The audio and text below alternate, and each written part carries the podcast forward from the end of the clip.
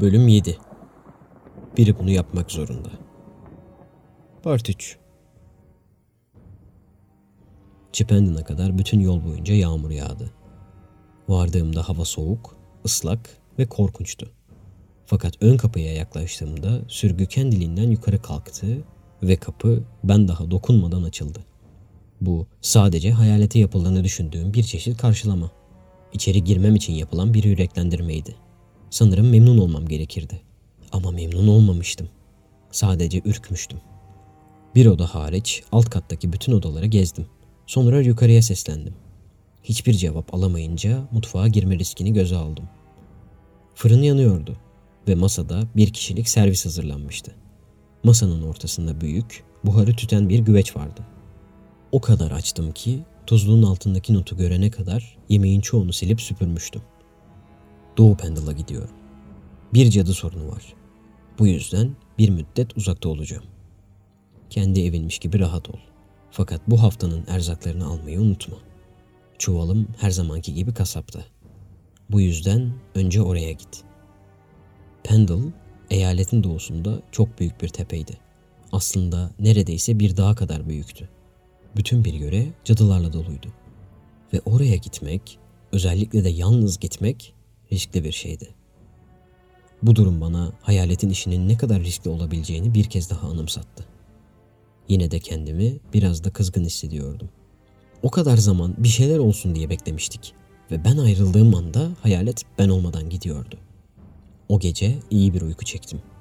Fakat sabah çalacak olan kahvaltı zilini duyabilmek için fazla derin uyumamıştım. Aşağıya tam zamanında indim ve hayaletin evinde yediğim en leziz pastırmalı yumurtayla ödüllendirildim.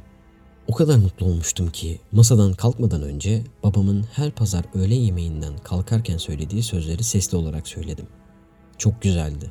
Aşçının önünde saygıyla eğiliyorum. Bu sözleri söyler söylemez şöminenin ateşi alevlendi ve bir kedi mırlamaya başladı. Kediyi göremiyordum. Fakat çıkardığı ses o kadar yüksekti ki camların bile titrediğine yemin edebilirdim. Doğru bir şey söylediğimden emindim. Doğru şeyler söylediğim için kendimle gurur duyarak erzak almak için köye doğru yola koyuldum. Mavi, bulutsuz gökyüzünün ortasında güneş parıl parıl parlıyordu. Kuşlar cıvıldıyor ve önceki günün yağmuruyla şimdi her yer pırıl pırıl, temiz ve yeni görünüyordu. Kasaba gidip çuvalı alarak işe koyuldum. Oradan manava gittim ve son olarak fırına giderek işi tamamladım. Birkaç delikanlı fırının yanındaki duvara yaslanmıştı. Geçen seferki kadar kalabalık değillerdi. Kalan enseli iri liderleri aralarında yoktu. Hayaletin söylediklerini hatırlayarak onlara yöneldim. Son karşılaşmamızda olanlar için üzgünüm dedim. Ama burada yeniyim ve kuralları tam olarak öğrenmiş değilim. Bay Gregory her birinizin birer elma ve birer kek alabileceğini söyledi. Bunları söyleyerek çuvalı açtım ve her birine birer elma ve kek verdim. Gözleri yuvalarından fırladı. Hepsi teşekkür etti. Merdivenlerin tepesinde beni bekleyen biri vardı. Bu Alice'ti. Ve yine sanki gün ışığını sevmiyormuş gibi ağaçların altında duruyordu. Bir elma ve bir kek alabilirsin dedim ona. Başını sallayınca çok şaşırdım.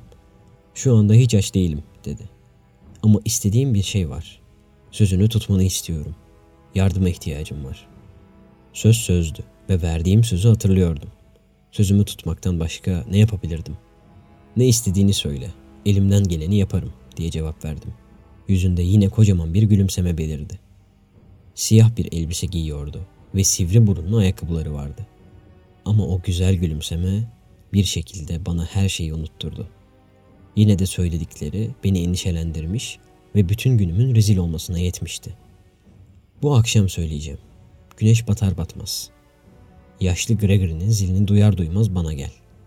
Zili güneş batmadan hemen önce duydum. Ve heyecanlı bir şekilde tepenin aşağısına patikaları birleştiren söğüt ağaçlarının arasına doğru yürüdüm. Zili o şekilde çalması bana hiç doğru görünmüyordu. Tabii hayaleti çağırdığı bir işi varsa ve bunu fark etmediysem başka. Üzerimizde güneşin son ışıkları turuncuya dönmüş ve tepelerin doruklarını yıkıyordu. Ama aşağımızda söğüt ağaçlarının arasında renkler griydi ve gölgeler çoktu. Kızı görünce tüylerim ürperdi. Çünkü sadece tek eliyle çekmesine rağmen Çan çılgın gibi hareket ediyordu. Zayıf kolları ve ince beline rağmen çok güçlü olmalıydı. Beni görür görmez çanı çalmayı bıraktı ve dallar tepemizde çılgınca sallanmaya ve dans etmeye devam ederken ellerini beline koydu. Sonunda gözüm elinde tuttuğu sepete kayana kadar dakikalarca birbirimize baktık. İçinde üzeri siyah bir kumaşla kapatılmış bir şey vardı. Sepeti kaldırıp bana uzattı. Bu nedir diye sordum.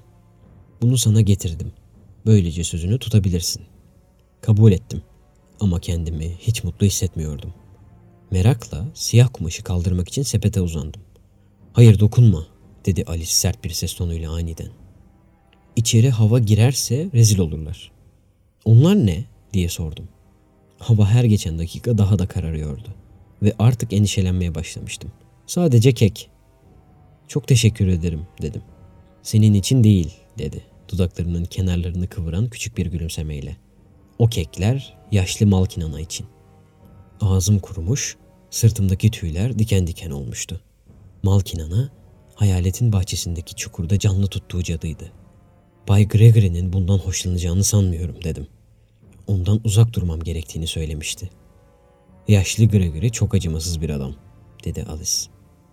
Zavallı Malkinana 13 senedir o çukurun, o karanlık deliğin içinde duruyor. Yaşlı bir kadına bu kadar kötü davranmak doğru mu? Omuz silktim. Yaptığım hoşuma gitmiyordu. Hayaleti savunmak zordu. Ama o bunun için iyi bir nedeni olduğunu söylemişti. Dinle dedi. Başın derde girmeyecek. Yaşlı Gregory her şeyi bilmek zorunda değil. Sadece Malkinana'yı biraz rahatlatacaksın. Ailesi tarafından yapılmış en sevdiği kekler. Bunda yanlış bir şey yok.